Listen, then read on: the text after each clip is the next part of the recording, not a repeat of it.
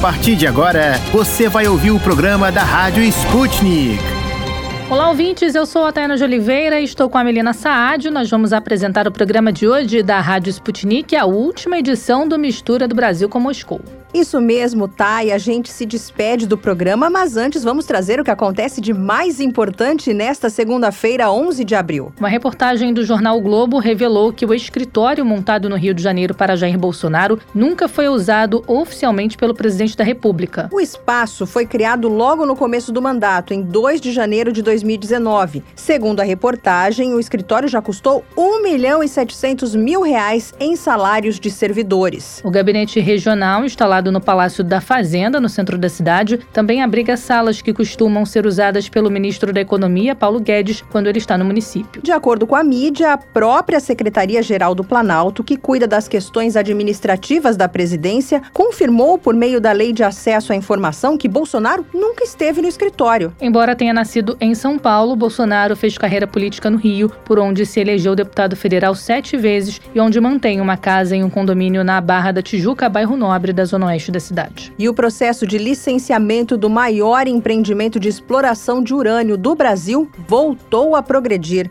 A informação foi publicada pelo jornal A Folha de São Paulo. O projeto Santa Quitéria, no Ceará, prevê um investimento de 2 bilhões e 300 milhões de reais, além da geração de 11 mil empregos. No projeto conjunto de mineração, na jazida de Itataia, o fosfato e o urânio são encontrados de forma associada. O intuito da exploração do local é produzir fertilizantes fosfatados de alto teor destinados à agricultura, assim como fosfato bicálcico e concentrado de urânio para a produção de energia elétrica. Segundo a Folha, o projeto entrou agora em uma nova rodada de análises. A reportagem cita ainda que audiências públicas já foram liberadas pelo IBAMA. Os debates devem ocorrer nos próximos três meses e prometem ser intensos. Essa é a terceira tentativa do governo para conseguir licença e começar a operar no local. Desde o começo, a proposta enfrenta críticas de movimentos sociais indígenas e pesquisadores. Isso porque esses grupos apontam para os altos riscos de contaminação por radiação. Nas proximidades da jazida estão localizadas 35 aldeias de oito etnias, além de 16 quilombos e várias pequenas propriedades rurais. Na cena internacional, a Assembleia Nacional do Paquistão elegeu Shehbaz Sharif como novo primeiro-ministro. A escolha foi feita após Imran Khan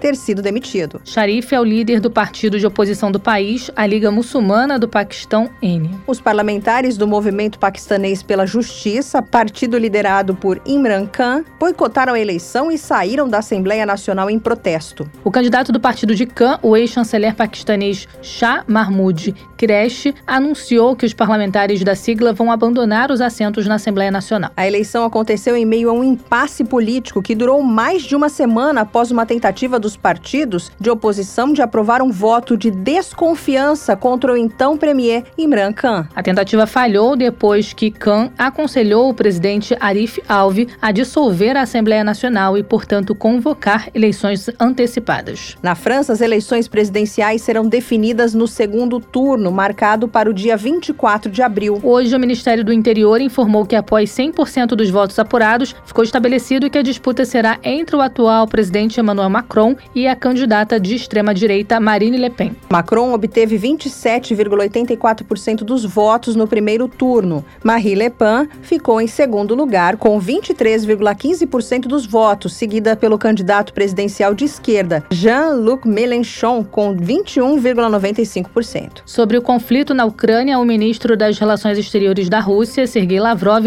afirmou que a operação especial é para acabar com o rumo dos Estados Unidos para, nas palavras dele, dominar dominar o mundo. Além disso, o ministro russo declarou que a Rússia jamais vai acatar a posição do Ocidente. O Ministério da Defesa da Rússia publicou hoje imagens de um equipamento pesado das Forças Armadas da Ucrânia sendo atingido e destruído por uma munição de alta precisão, controle da posição do alvo era assegurado por um drone. Sergei Lavrov ainda comentou que depois dos dados apresentados pela Rússia sobre a provocação em Kramatorsk, todos se calaram muito rapidamente. O chefe da diplomacia russa não descartou que os militares ucranianos, com apoio direto dos serviços especiais do Ocidente, vão organizar novas provocações. Mesmo assim, nas palavras de Lavrov, não há razões que impeçam a Rússia de continuar negociando com a Ucrânia. Segundo o ministro, nos diálogos diálogos com a Rússia, a Ucrânia, nas palavras dele, se esquiva em 180 graus. Com relação à russofobia, Lavrov enfatizou que Moscou vai tomar todas as medidas necessárias para proteger os compatriotas no exterior. Depois desse giro de notícias, que tal vermos o que preparamos para vocês nesta última edição do programa? E no programa de hoje.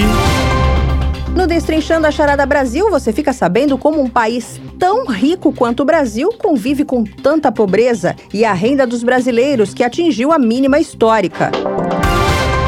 Na hora do play, documentos mostram a existência de um plano britânico para desacreditar informações da Rússia e diminuir a influência nos países da ex-União Soviética.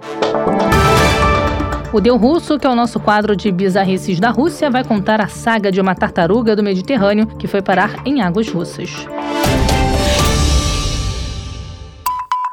Para ficar por dentro de todas as novidades, tanto mundiais como brasileiras, se inscreva no nosso canal do Telegram. É muito simples. É só você escrever Sputnik Brasil na busca do Telegram e se inscrever para receber as notificações. Não se esqueça de ler, curtir e comentar nossas matérias no site br.sputniknews.com. Tem alguma dúvida ou comentário sobre a Rádio Sputnik? Você pode entrar em contato com a gente através do e-mail radio.br@sputniknews.com. Destrinchando a charada. De dentro e fora do Brasil política, economia, sociedade e tudo que engloba o maior país da América Latina. As charadas mais complicadas do Brasil são destrinchadas aqui Olá, ouvintes e Melina, o Destrinchando a Charada Brasil de hoje está voltado para a economia. A renda média dos brasileiros atingiu a mínima histórica nas regiões metropolitanas, R$ 1.378. Isso mesmo, tá? E esse é o menor rendimento domiciliar per capita em 10 anos. Os dados estão na sétima edição do Boletim Desigualdade nas Metrópoles. O estudo foi produzido em parceria por pesquisadores da PUC do Rio Grande do Sul, do Observatório das Metrópoles e da Rede de Observatórios da Divisa Social na América Latina. Latina. Os pesquisadores tiveram como base as informações da PNAD contínua trimestral do IBGE. Mesmo com o aumento da população ocupada, essa pesquisa mostra que o empobrecimento atingiu todas as classes sociais. No entanto, as regiões metropolitanas que apresentaram as rendas médias mais baixas no quarto trimestre de 2021 foram as situadas no Nordeste e no Norte. Os valores mais baixos foram registrados na Grande São Luís, Manaus e Recife. Já os maiores foram no Distrito Federal, Florianópolis e São Paulo. Diferente do observado num primeiro momento da pandemia, quando a queda da renda média foi puxada pelo tombo dos rendimentos dos mais pobres e dependentes do trabalho informal, a piora nos últimos trimestres tem sido pressionada principalmente pelo impacto da inflação entre aqueles que ganham mais. A renda média é calculada a partir da soma de todos os rendimentos provenientes do trabalho, incluindo o setor informal, dividida pelo número de moradores por domicílio nas regiões metropolitanas, com preços definidos deflacionados até o quarto trimestre do ano passado. Já a desigualdade recuou para 0,602 na média das metrópoles, o mesmo valor registrado no primeiro trimestre de 2020, ou seja, indicando uma reaproximação do patamar pré-pandêmico, mas ainda distante da melhor marca de 0,566 no final de 2014. Segundo o levantamento, a renda média per capita dos 40% mais pobres, que estava em 195 reais no final de 2020 subiu para 239 no final de 2021. Ao mesmo tempo, a média entre os 10% mais ricos caiu de R$ 6.917 para 6.424 em apenas um ano. No início da pandemia, os 40% mais pobres chegaram a perder quase um terço da renda proveniente do trabalho, enquanto que o rendimento médio dos 10% mais ricos recuou apenas 2,5%. Com a reabertura praticamente total da economia e fim das medidas restritivas, o movimento se inverteu. Exatamente, Mel. No quarto trimestre de 2021, o rendimento médio dos mais pobres ficou 8,9% abaixo do patamar pré-pandemia. Para os pesquisadores, a queda mais recente do nível de renda dos 10% do topo está relacionada com a estagnação econômica. Isso porque a oferta de mão de obra passa a ser maior do que a demanda das empresas. Mas a principal explicação é mesmo a inflação, que há sete meses roda acima dos dois dígitos. Mesmo com a queda generalizada da renda média no país, o estudo mostra que os mais pobres foram os mais atingidos desde o início na pandemia. Além disso, conforme reforça a pesquisa, esse grupo é o mais prejudicado pela disparada dos preços. O estudo estima em 80 milhões de brasileiros a população nas 22 principais regiões metropolitanas do país. Esse número corresponde a aproximadamente 40% da população brasileira. Para entender tantos números e como todo esse cálculo é feito, a gente conversa agora com o doutor em economia e professor da UFRJ, Luiz Carlos Prado. Seja muito bem-vindo e obrigada por atender a Rádio Sputnik, professor. Minha primeira pergunta é o que levou à queda em mínima histórica na renda média do brasileiro em regiões metropolitanas. O Brasil vem em crise desde 2015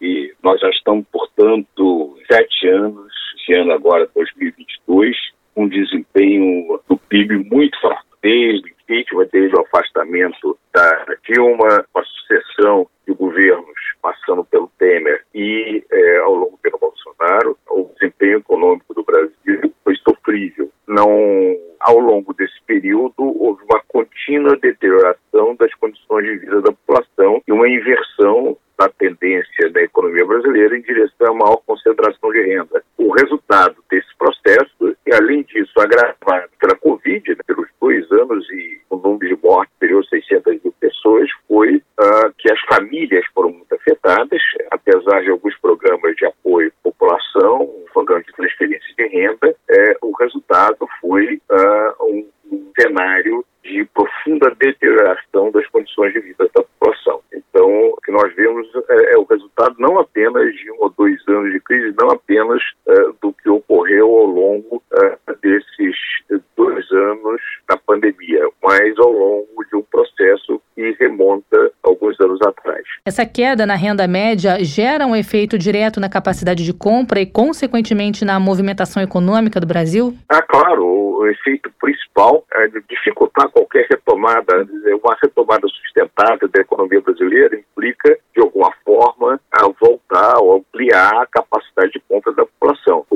não há estratégia sustentável com o crescimento da concentração de renda como veio ocorrendo nos últimos anos. a inversão da tendência é fundamental para um crescimento de médio prazo, não tem nem chegar a longo prazo, para um crescimento sustentável da economia brasileira. Quais são os setores mais atingidos com a queda da renda média? Quando nós analisamos o comportamento da renda das famílias brasileiras, nós temos, em primeiro lugar, o crescimento do desemprego afeta profundamente essas populações. Não há apenas uma queda da renda do salário, mas, mas aquelas pessoas que têm dificuldade de encontrar trabalho regular são profundamente afetadas dentro dessa circunstância. Claro, isso dificulta a entrada no mercado de trabalho de jovens e, obviamente, desenha o perfil, desenho da população brasileira, influenciada também pelas diferenças regionais, é, por todas as questões associadas também a outros indicadores da sociedade brasileira, pesam nessa circunstância. Porque, mesmo com a recuperação do mercado de trabalho, atingimos esse patamar de menor valor da série histórica? Primeiro que a nossa recuperação no mercado de trabalho ainda foi muito pequena. Ela, situação do nível de emprego, a taxa de emprego do Brasil ainda é muito alta em termos históricos. Além disso, os salários médios vêm sendo muito afetados mais uma vez, não apenas pela pandemia, mas todo o processo de deterioração das condições da sociedade brasileira ao longo desse, desse período. E se nós levarmos em conta, inclusive, a estrutura de consumo da, das famílias brasileiras, é, alguns itens básicos, neste momento, é, vão pesar muito nessa população que já está com um padrão de vida tão afetado, como, por exemplo, a produtos como gás de cozinha, a, o custo da eletricidade, são produtos de difícil substituição. No caso da eletricidade, não tem como. É, mas o, o aumento de preço da gás de cozinha leva a uma situação pensável no interior, é a sua substituição por lenha, que é o pior cenário que poderia ocorrer. Então, o, o que nós temos é ainda uma situação de precarização e, mais uma vez, é uma tendência que já remota da pandemia e no processo ao fim, a pandemia é, recuando, isso não é, não garante a retomada da economia brasileira. Precisa refazer o modelo de crescimento, voltar a aumentar a capacidade do Estado de realizar gastos de investimento, é, mudar prioridades da economia brasileira e levar em conta ah, de que não é mais possível se manter nesse tipo de situação precária por tanto tempo. Ao que se atribui os índices das regiões Norte e Nordeste que aparecem como as que registraram renda média mais baixa? Tradicionalmente, o Nordeste é, já é uma região muito afetada pelas condições de, de pobreza, de miséria, etc. É, tradicionalmente, ah, onde é, os problemas de crise econômica partem de maneira mais forte tese, as regiões agroexportadoras seriam menos afetadas. De certa maneira, a economia o Brasil continuou tendo capacidade de exportação de produtos, é, de, de, produtos primários, de, de produtos do agrobusiness. De qualquer maneira, uma das características da grande concentração na produção de produtos primários voltado à exportação é que ela, esse é um segmento que gera muito, emprego, muito pouco emprego. Nos centros urbanos, a, o depende essencialmente de serviços. O Brasil é basicamente uma sociedade muito urbanizada. É, o setor serviço ele foi muito afetado também na pandemia e as oportunidades de trabalho no setor serviço são oportunidades muito precárias, principalmente para populações pouco educadas e pouco acesso a empregos formais. É, então são trabalhos como de entregas extremamente precarizados, é, pequenos biscates e outras atividades do gênero que traz é um cenário de da, na, nas demandas, se alguém fica doente ou tem dificuldade de realizar seu trabalho, vai ter a, a interrupção das suas agendas. Então, isso dificulta muito uh, as condições de vida dessas populações. Esse cenário pode ser revertido em curto ou médio prazo? Não, ele pode ser revertido, mas implica mudanças na política econômica, implica mudanças no modelo. O, é, o modelo atual ele não é, ele não privilegia, é, ele não se preocupa com as questões ligadas nem à distribuição de renda, nem à precariedade das condições de trabalho. Ao contrário, ao longo dos últimos anos nós vimos medidas sendo tomadas para aumentar a precariedade das condições de trabalho e nós vemos também as dificuldades de é, legislações, desde a criação do teto do gasto no passado até as prioridades de política econômica, que não levam em conta uh, essas necessidades da população. E mais do que tudo, o Brasil, no momento, não tem uma estratégia de desenvolvimento econômico. Né? Isso foi completamente abandonado desde o governo Temer para cá. Não há nenhuma preocupação no que se refere a uma estratégia de retomada da economia brasileira. Há apenas um discurso genérico, muito pouco consistente,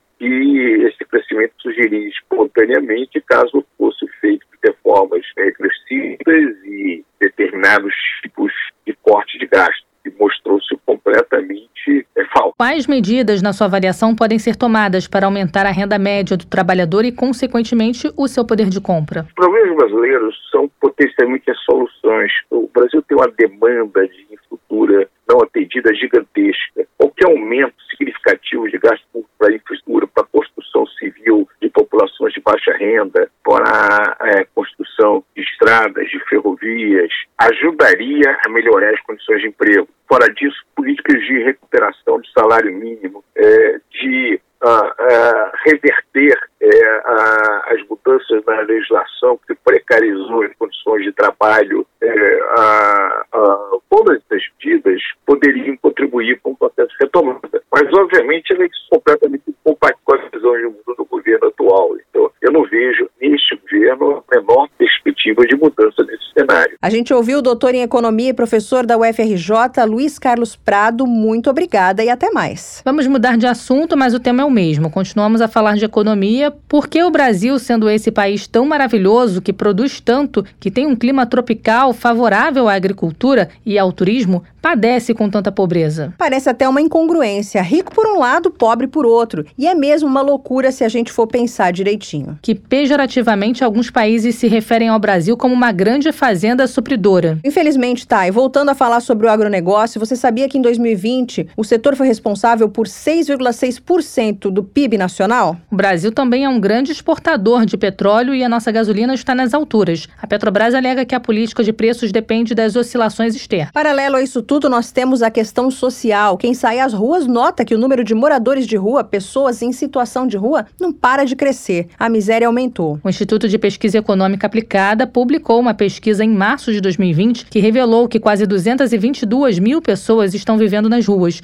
Isso foi há dois anos e de lá para cá eu sinto que a população de rua só aumenta. Eu também tenho essa mesma impressão. Enfim, Mel, está tudo mais caro, alimentos mais caros, combustível mais caro, que acaba refletindo em muitos outros preços. Agora eu vou citar um dado cruel, tá? E você sabia que 19 milhões de brasileiros passam fome? E outros 100 milhões vivem na chamada insegurança alimentar. Voltando à economia, na verdade, tudo está interligado, né? Uma moeda desvalorizada frente ao dólar só interessa ao empresário exportador. A nossa moeda deu uma ligeira valorizada duas semanas, mas ainda não é o suficiente para impactar a economia do brasileiro, o poder aquisitivo, que é o poder de compra. Para entender esse cenário, a gente chama o professor Walter Franco, ele que é professor de macroeconomia e finanças corporativas do IBMEC São Paulo. Seja muito bem-vindo, professor. Eu queria saber como o Brasil, sendo tão rico, com um agronegócio que representa 6% do nosso PIB, consegue ser tão pobre. É, o brasileiro a cada dia perde mais o seu poder aquisitivo. Como é que isso é possível? Indiretamente, para a geração de riqueza no Brasil também, além dessa visão sob o ponto de vista da oferta, sob uma contribuição direta. É claro que indiretamente o produto interno bruto tem uma responsabilidade, uma parcela gigantesca no PIB. Agora, a riqueza de um país não é medida unicamente pelo PIB do agronegócio. O sistema de contas nacionais, no caso do Brasil, incluímos também o PIB da indústria e o PIB dos serviços, que é o mais significativo de todos, e praticamente ultrapassa aí 70, 75% do PIB como um todo é o setor de serviços. Com relação à, à questão de poder aquisitivo, também são coisas muito diferentes. Uma coisa é a riqueza gerada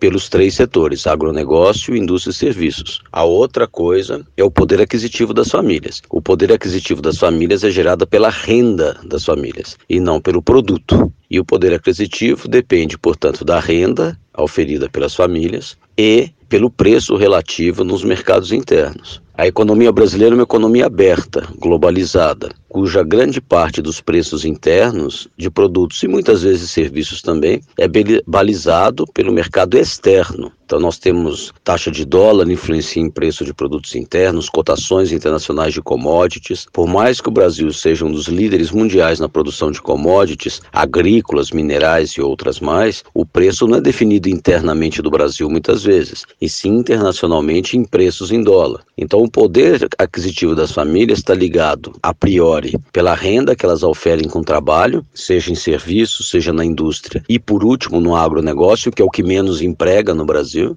e pelos preços das coisas no mercado interno. Então, o agronegócio, que é a colocação da pergunta, ele é dinâmico, ele é talvez o melhor do mundo, o mais que apresenta maior potencial de crescimento no Brasil e geração de renda, mas ele não é o maior gerador de emprego. Exatamente por ser eficiente, produtivo e o melhor do mundo, ele é altamente tecnológico. E por ser altamente tecnológico, ele não é o maior gerador de emprego. Então são coisas diferentes. Professor, como minimizar o impacto de fatores externos em setores de grande produção no Brasil? Mas eu vou imaginar que você esteja se referindo a preço de matérias-primas, bens intermediários, peças, componentes que são importados. Não tem como reduzir impacto. Os preços são internacionais e a cotação é em mercado internacional, é em dólar, e não tem como se fazer nenhum tipo de subsídio ou ajuda do governo. A economia brasileira é aberta, é dinâmica e ela não deve buscar interferências do Estado na definição de preços internos. O que a gente precisa buscar ganhos de eficiência e produtividade na indústria que efetivamente compensem compensem preços, eventualmente que venham do exterior, muito caros. Então, gerando aí uma, uma compensação, mas dentro do mercado e não por interferência estatal. Professor, o Brasil vem sofrendo com os efeitos na economia por conta do conflito na Ucrânia em setores de grande produção nacional, como os combustíveis e os alimentos. Algo pode ser feito? O que existe é volatilidade neste momento. E, e não houve efetivamente, no meu entender, nenhum rompimento nas cadeias de produção significativas mundiais mundiais e muito menos rompimento de suprimento, nem de petróleo, nem de gás, nem de minérios,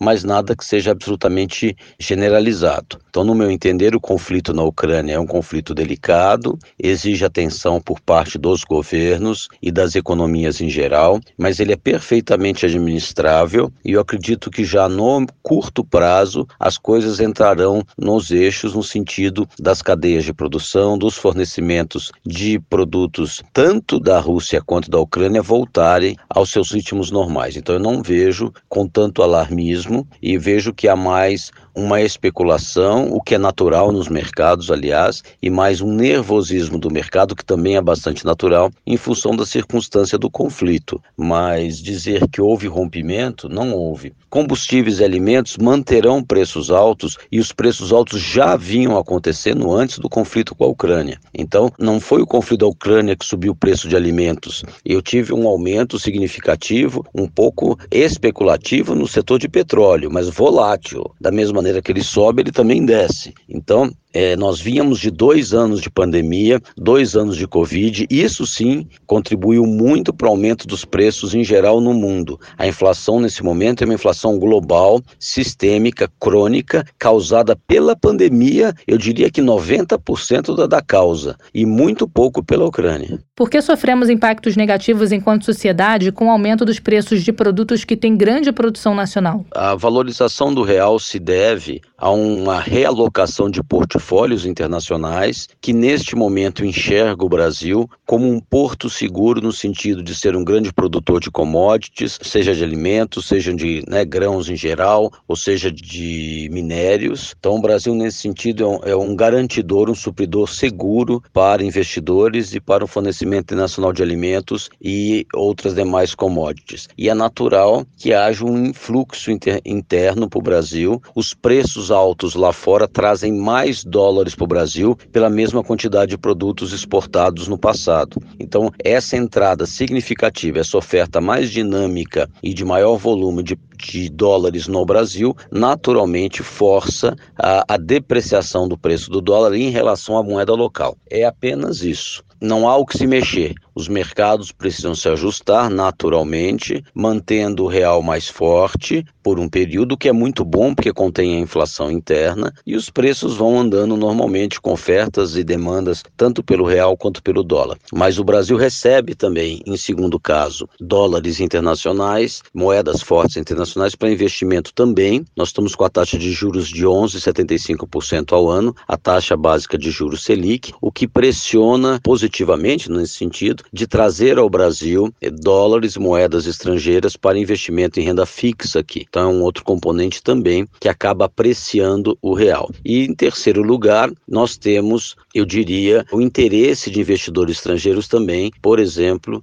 em ações, né? O mercado de ações do Brasil, principalmente exportadoras e produtoras de grãos, de alimentos, vem se valorizando significativamente, o que também aprecia a moeda local. Essa apreciação local tem três componentes: o fluxo positivo de investidor estrangeiro para a bolsa de valores, para a renda fixa e também o fluxo para efetivamente resultante efetivamente do comércio internacional, onde o Brasil vem sendo aí um grande ofertante, o que acaba gerando um superávit significativo significativo de entrada de moedas no Brasil, que é, que é reflexo do nosso espetacular superávit comercial, que em março de 2022 ultrapassou 7 bilhões de dólares no mês, o que é um recorde histórico no caso do Brasil. Esse foi o professor Walter Franco, professor de macroeconomia e finanças corporativas do BMEC São Paulo. Volte sempre, professor. Agora a gente abre espaço para outro economista, o também professor Fábio Sobral, da Universidade Federal do Ceará. Professor, como é que se explica essa disparidade do Brasil? Rico de um lado e cada vez mais pobre em vários aspectos. Há diversos fatores para o empobrecimento da população, da maior parte da população. O Brasil retornou a um mecanismo que imperou até a ditadura militar, que é de uma divisão profunda na sociedade, onde os setores das camadas trabalhadoras não ganham o suficiente para se manter. A reforma trabalhista no governo Temer, a reforma previdenciária, a perda de direitos tem provocado uma redução do salário médio no Brasil e com isso uma perda do poder aquisitivo e consequentemente uma piora das condições de vida. Ao mesmo tempo, boa parte da produção do agronegócio é voltada para o exterior, sem nenhum limite de exportação, nenhuma necessidade de atender o mercado interno. Os preços acabam sendo dolarizados e a dolarização desses preços eleva o valor dos produtos internamente, preço dos produtos internos. Então você tem salários sendo achatados, preços em ascensão por terem sido dolarizados. Isso provoca uma enorme distorção social. Houve a eliminação de estoques reguladores que fariam com que os preços dos produtos agrícolas, agropecuários fossem controlados e não subissem. Os estoques reguladores do governo federal foram praticamente extintos desde o governo Temer e no governo Bolsonaro. Então isso tem provocado uma variação desses preços pelo mercado internacional. Então é uma estrutura cruel de concentração de renda, de piora das condições de vida, inclusive com o retorno em larga escala do Brasil ao mapa da fome, com cerca de 19 milhões de pessoas passam fome todos os dias e mais de 100 milhões, quase metade da população brasileira em insegurança alimentar. Professor, o senhor disse algo importante que me chamou a atenção: a dolarização dos preços dos produtos brasileiros. O que, que se há de fazer com isso? Ele só sofre o impacto de fatores externos se ele não tiver nenhum controle sobre as exportações desses bens. Uma medidas como cotas de exportação são absolutamente necessárias. Compra de estoques reguladores do governo para o governo são absolutamente necessárias, mas um, uma concepção absolutamente neoliberal dos governos provoca a ausência de qualquer ação do Estado, como se o mercado fosse ser regulado da melhor forma possível, uma crença absoluta na racionalidade do mercado. E isso tem provocado fome. Quer dizer, eles preferem a manutenção dos interesses do mercado do que a capacidade de pessoas, de seres humanos, crianças, mulheres, homens, idosos, é, de sobreviverem. Então, o mercado está acima do humano. Então, a forma de superar isso, quer dizer, você não tem como se defender muitas vezes de fatores externos no curto prazo. Por exemplo, indústrias que você não tem, no curto prazo, fatores externos provocam aumentos dos preços aqui no Brasil. Mas mesmo isso poderia ser feito um processo de substituição de importações, fortalecimento da produção local e em breve nem esses fatores externos implicariam nas nossas vidas. Agora, quando os objetivos são outros, quando o objetivo é atender ao interesse essencialmente de bolsas né, de valores com ações de empresas como a Petrobras ou bolsas de mercadorias e futuros, no caso das commodities, os bens agropecuários e minerais, aí os interesses da população brasileira estão em último plano. Que tipo de limite o Brasil poderia estabelecer para proteger o mercado interno? Para evitar esses elementos externos como Covid, pandemia mundial, que ainda não está absolutamente controlada, é preciso medidas que ultrapassam a crença na racionalidade absoluta do mercado, na confiança da eficiência dos mercados. Os mercados não são eficientes, é preciso estabelecer regras, é preciso estabelecer limites. Então, o estabelecimento de cotas de exportação na soja, na carne, no milho, no arroz, feijão, a determinação de preços de produção internos para petróleos, combustíveis, quer dizer, você produz combustível no Brasil, mas você vai dizer, não, vamos dolarizar o combustível. Então o interesse aí é outro, é o interesse de estabelecer uma alta taxa de lucro, uma alta lucratividade da empresa que detém esse controle.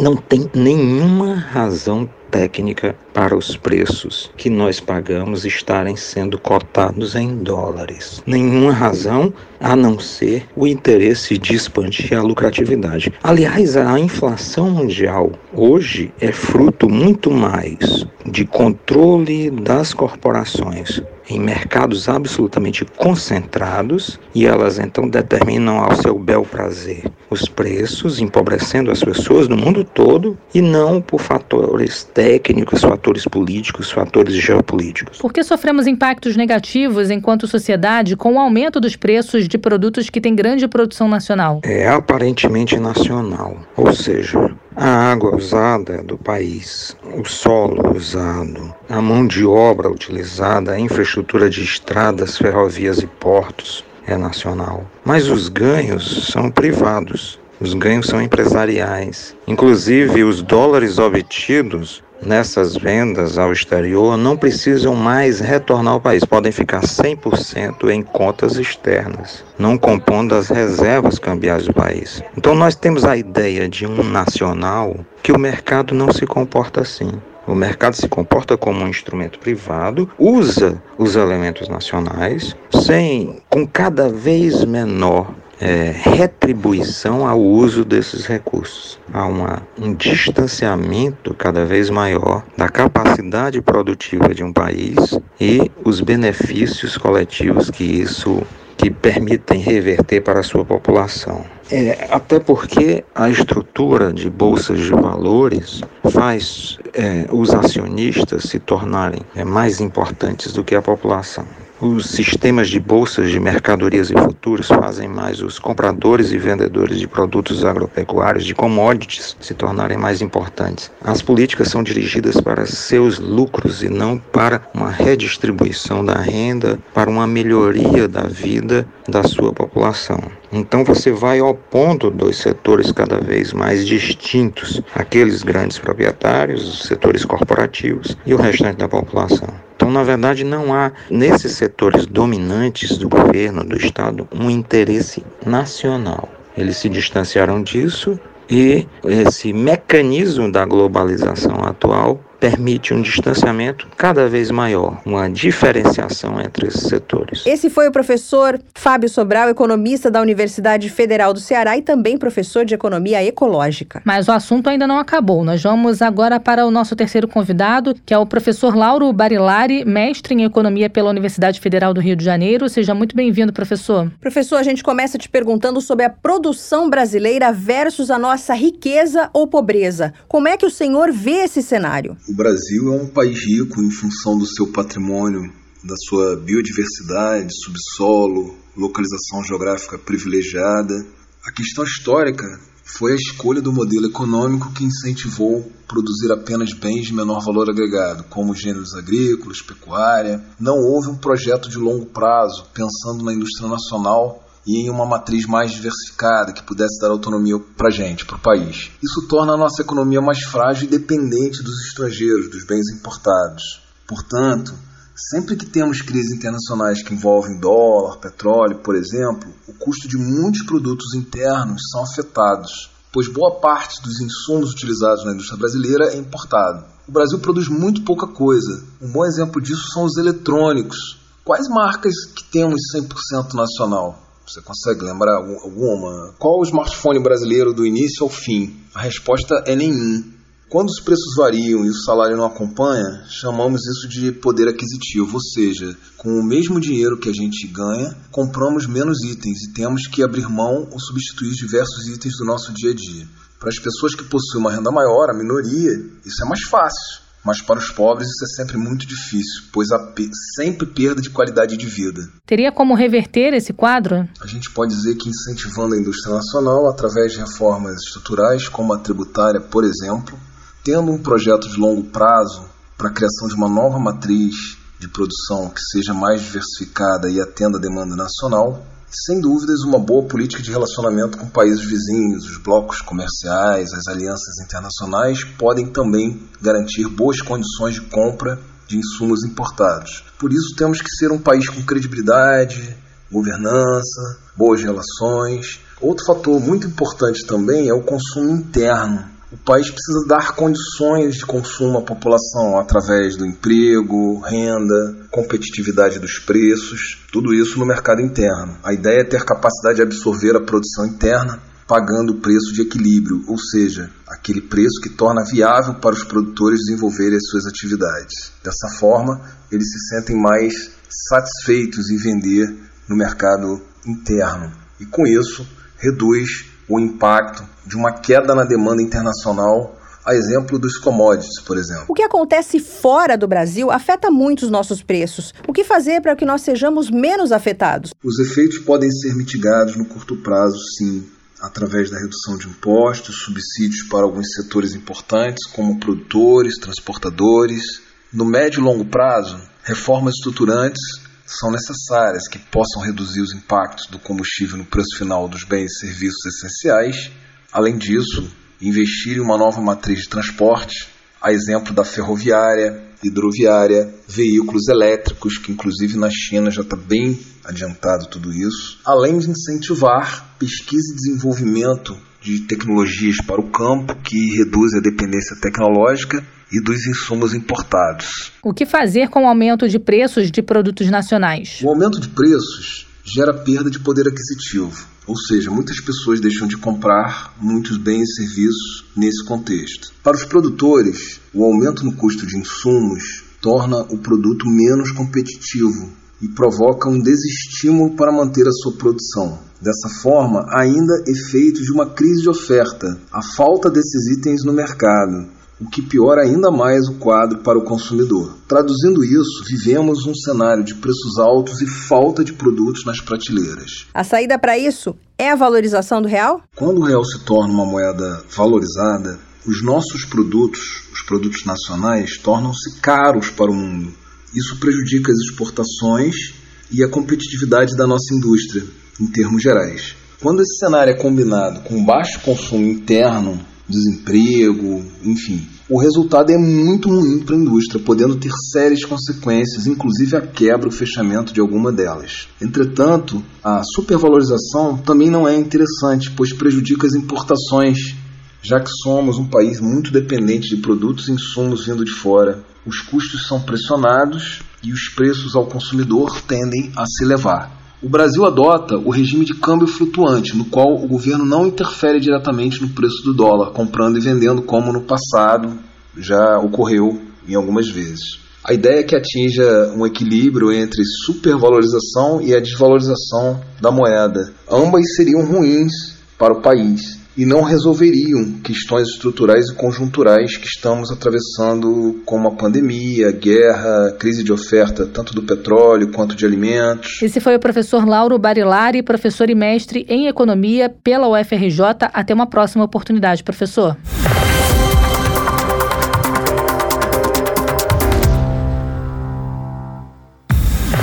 Não se esqueça de ler, curtir e comentar nossas matérias no site br.sputniknews.com. Tem alguma dúvida ou comentário sobre a Rádio Sputnik? Você pode entrar em contato com a gente através do e-mail radio.br@sputniknews.com. Para ficar por dentro de todas as novidades, tanto mundiais como brasileiras, se inscreva no nosso canal do Telegram. É muito simples. É só você escrever Sputnik Brasil na busca do Telegram e se inscrever para receber as notificações. Hora do Play. Curtidas e mais curtidas da Rússia ao Brasil. Confira com a gente os vídeos da Sputnik Brasil que estão bombando na internet e fique por dentro do que está sendo filmado por amadores e profissionais pelo mundo. Hoje é o último dia que eu chamo o nosso amigo Tito para trazer os vídeos mais vistos e mais curtidos da internet. Pois é, Melina, mas nós não vamos ficar tristes e sim aproveitar a hora do play. Traz pra gente, Tito, o que é notícia hoje na internet. Olá, queridos amigos da Rádio Sputnik. Eu sou o Tito da Silva e esta é a Hora do Play. Após vários meses lhes trazendo os vídeos que estão fazendo grande sucesso na internet, esta será a nossa última transmissão. Mas se vocês acham que isso é o fim, estão muito enganados. A Sputnik Brasil continua publicando seus vídeos em várias redes sociais. Você pode os assistir na plataforma de vídeos Odyssey. É só digitar no seu navegador Sputnik Brasil Odyssey. Não sabe como se escreve Odyssey? É O-D-Y-S-E-E. Você também pode ver vídeos, fotos e receber notícias diariamente no nosso canal no Telegram. É só digitar Sputnik Brasil no Telegram e você vai ver o nosso canal oficial no aplicativo. Já no Twitter, digite arroba Sputnik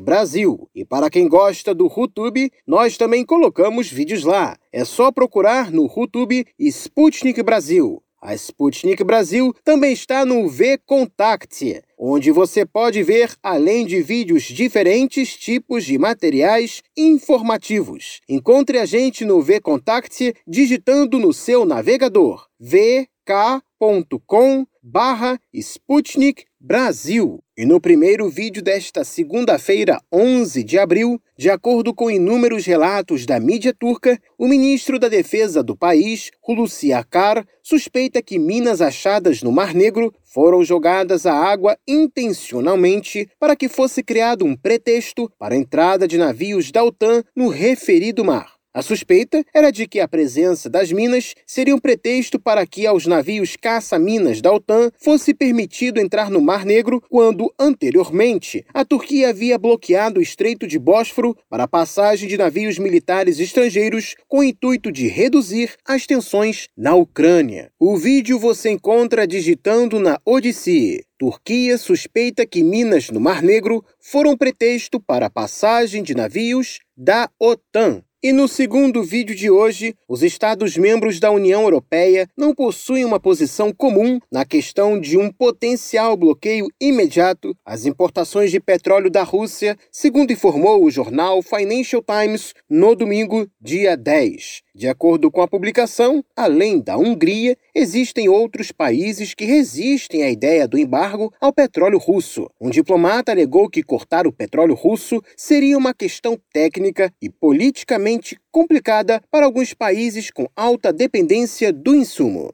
O vídeo você encontra na Odyssey digitando Países da União Europeia não têm consenso sobre bloqueio às importações de petróleo russo, diz mídia. E no terceiro vídeo de hoje, após o suposto vazamento de documentos ligados a diferentes organizações do Reino Unido, foi exposto o plano britânico para preparar uma guerra de informação contra a Rússia, cujo objetivo principal seria enfraquecer a influência russa nas ex-repúblicas soviéticas. Em princípio, segundo publicado pelo portal Grayzone, os documentos foram expostos pelo grupo de hackers Anonymous e mostram que o Reino Unido preparou a Ucrânia muito antes da operação militar russa para o conflito de informações contra a vizinha Rússia. O vídeo você encontra na Odyssey digitando como o Reino Unido teria preparado a Ucrânia para a guerra de informação. E no quarto vídeo de hoje, a Finlândia e a Suécia pretendem fazer parte da OTAN nos próximos meses, de acordo com o jornal britânico The Times. Espera-se que a Finlândia tome uma decisão até junho e a Suécia anuncie seu posicionamento logo em seguida. Citando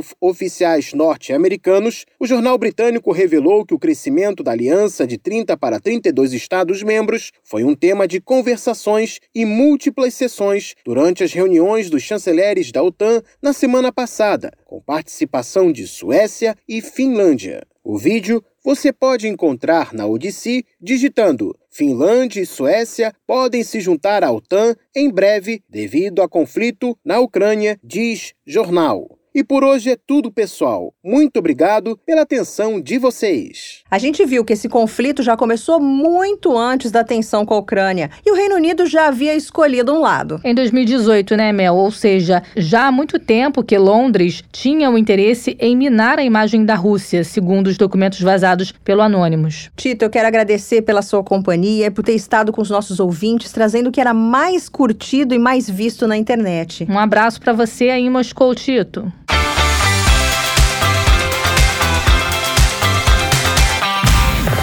Não se esqueça de ler, curtir e comentar nossas matérias no site br.sputniknews.com.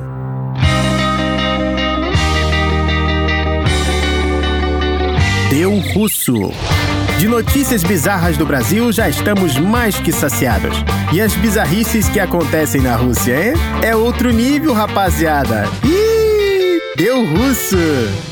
Um animal marinho mais que especial decidiu dar as caras no litoral de Anapa, no sul da Rússia, caros ouvintes. E apareceu sem querer, pelo visto, mas foi muito bem recebida pelos biólogos da região. Uma tartaruga gigante de cerca de 100 quilos foi arrastada para a beira-mar desta região meridional russa, banhada pelo Mar Negro. Engraçado que as tartarugas como essa não habitam as águas do Mar Negro, o que deixa o surgimento da grandona ainda mais misterioso. Biólogos acreditam que esse réptil foi arrastado por uma corrente tempestuosa no mar Mediterrâneo que liga o Mar Negro ao Oceano Atlântico por um pequeno estreito. Segundo os biólogos que estão cuidando do avantajado réptil, pode ser que ela seja uma tartaruga comum, também conhecida como tartaruga cabeçuda. Depois de achada nas areias do Mar Negro, a tartaruga foi levada para um centro de reabilitação de tartarugas da lista vermelha de espécies ameaçadas. A grandona se encontra em um estado crítico e os biólogos estão fazendo todo o possível para que essa tartaruga se recupere rápido em terras e águas russas. Para se ter uma noção, em 50 anos, só três tartarugas do mar Mediterrâneo deram as caras nas praias do Mar Negro, sendo a grandona da vez a terceira. Biólogos acreditam se tratar de uma tartaruga adulta de 30 a 50 anos de idade. Tudo indica que a vovó tartaruga já estava fraquinha antes mesmo de cair na corrente tempestuosa do mar Mediterrâneo. Sem contar que as águas frias do Mar Negro não são a melhor opção para essa grandona que está acostumada com as águas quentes do Mediterrâneo. E o frio das águas do Mar Negro ocasionou um resfriado na vovó tartaruga, que agora está tomando tipo xarope e remédio para ficar melhor. A grandona do Mediterrâneo está recebendo tratamento especial em terras e água russas. Os biólogos deram para ela uma piscina infantil com uma varanda de vidro para que ela pegue bem muito sol e assim se sinta confortável com a temperatura. Regularmente, um funcionário entra no spa dessa vovó tartaruga para não deixar a água da piscina exclusiva esfriar e para fazer massagem nela com toalhas molhadas. Depois de todo esse tratamento top, talvez essa grandona tartaruga não queira voltar para o mar Mediterrâneo, caros ouvintes. Desejamos melhoras para vovó tartaruga cabeçuda, que resfriados fiquem bem longe dela e que ela receba todo o cuidado do mundo. Um abração, vovó tartaruga!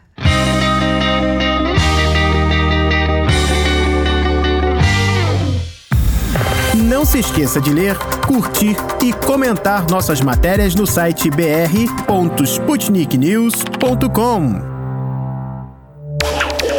Tem alguma dúvida ou comentário sobre a Rádio Sputnik? Você pode entrar em contato com a gente através do e-mail radio.br@sputniknews.com. Para ficar por dentro de todas as novidades, tanto mundiais como brasileiras, se inscreva no nosso canal do Telegram. É muito simples. É só você escrever Sputnik Brasil na busca do Telegram e se inscrever para receber as notificações. Hora de dar tchau.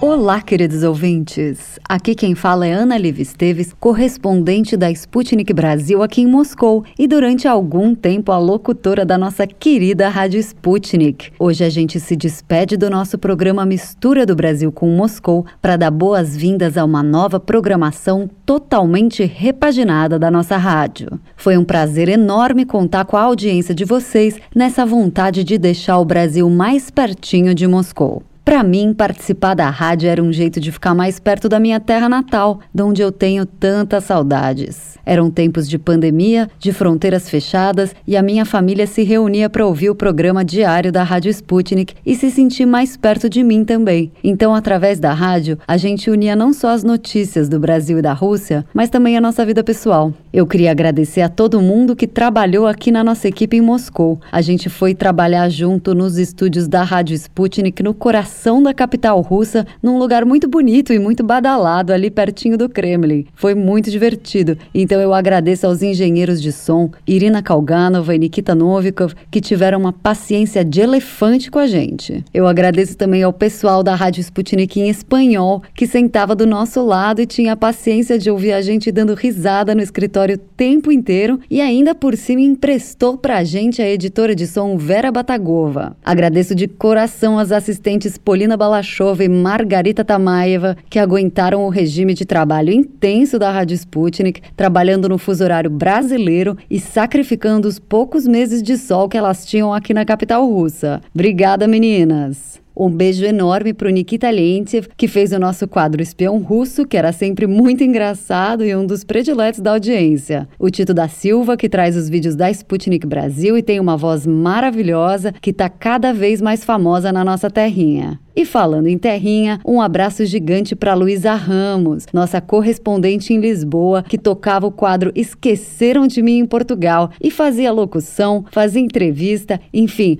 uma verdadeira profissional da rádio que a gente teve o prazer e a sorte de poder contar. Por fim, meus queridos Pablo Rodrigues e Konstantin Kuznetsov, meus colegas aqui em Moscou. O Pablo, claro, nosso locutor, com quem eu pude dividir os estúdios nesses meses todos e que me fazia gargalhar durante as gravações por causa do nosso quadro de histórias bizarras da Rússia, o Deu Russo, que era ele quem escrevia. E o Konstantin, nosso chefe de redação em Moscou, que ficava até depois das nove da noite montando o programa no estúdio e ainda encontrava energia para ir jogar um futebol depois, no melhor estilo brasileiro. E o agradecimento maior é para vocês, ouvintes, que me deram a oportunidade de ter essa experiência inesquecível e que aqueceram o meu coração durante os meses de inverno russo. A gente se vê no futuro. Até mais. Olá, queridos ouvintes. Mais uma vez com vocês, eu, Pablo Rodrigues. Parece que foi ontem que tudo começava para mim na Rádio Sputnik. Eu me lembro de todos os momentos corridos dos primeiros programas e da baita responsabilidade gigantesca de levar informação de qualidade para todos vocês. E não só informação séria não, hein? Histórias de russos sobre o Brasil e de brasileiros sobre a Rússia fizeram parte da minha estadia na Rádio Sputnik, de que me orgulho demais. Era sempre bom ouvir os entrevistados sobre os olhares a um país que muitas vezes poderia parecer diferente ou um complemento à cultura, seja ela brasileira ou russa, a que estavam habituados.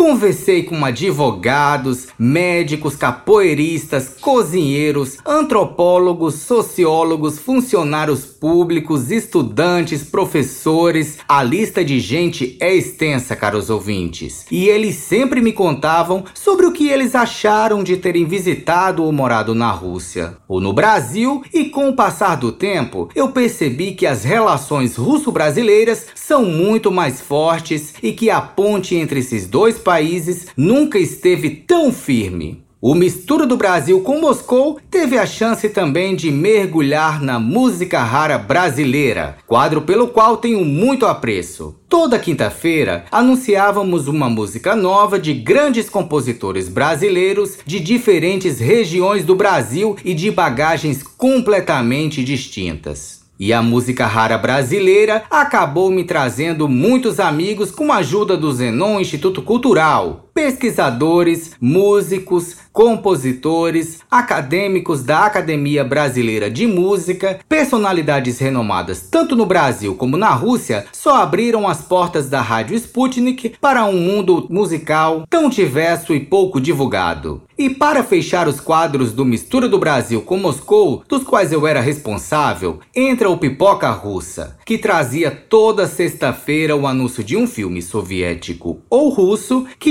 estava para entrar em cartaz no Brasil. Cada anúncio contava com análises de grandes comentaristas, não só sobre as películas em questão, mas sobre o contexto cultural de uma Rússia tanto contemporânea como de outrora. Ai, ai, ai, queridos ouvintes, foram tantas horas no estúdio ao lado de uma equipe profissional e competente, foram tantas horas tentando conseguir as melhores histórias, entrevistas e perspectivas para aproximar todos vocês do mundão russo, que até me dá saudade de uma época em que gravar a Rádio Sputnik fazia parte do meu dia a dia. Eu gostaria de agradecer a cada um de vocês por terem aberto as portas das suas casas para ouvir um pouco do que acontece na Rússia e para viajar pelo maior país do mundo, mesmo que só pela minha voz. Eu, Pablo Rodrigues, espero que vocês continuem ligados na Rádio Sputnik, que, como sempre, está por dentro do que acontece ao redor do mundo e vem preparando novidades especiais para os seus ouvintes. Um abraço forte e aqui fica Pablo Rodrigues com o coração cheio de saudades. Pablo querido, nós te agradecemos e te cumprimentamos por esse trabalho lindo, pela sua dedicação em fazer essa ponte e estreitar laços entre a Rússia e o Brasil. Eu concordo com você e creio que os nossos ouvintes também. Rússia e Brasil têm muita coisa em comum. Acabou o programa desta segunda-feira, dia 11 de abril. E essa é a nossa despedida aqui da mistura Brasil com Moscou. Eu tenho certeza que os nossos ouvintes vão continuar ligados em toda a nossa programação. Para isso, basta dar uma passadinha no site da Sputnik Brasil, br.sputniknews.com, para conferir as notícias do momento. Lembrando que nós também temos o nosso canal da Sputnik Brasil no Odissi. Não dá para perder, né? Lá, nossos ouvintes encontram os vídeos dos assuntos mais importantes do momento, tanto no Brasil como no resto do mundo. Fiquem ligados também nas informações sempre atualizadas no Twitter e Telegram da Sputnik Brasil. Obrigada pela companhia, Mel e ouvintes. Foi um prazer ter passado esse tempo com vocês. Tá, e eu também gostei muito de compartilhar informação e entretenimento com você, com os nossos ouvintes e com essa equipe maravilhosa. Um abraço, pessoal. Você acabou de ouvir mais um programa da Rádio Sputnik.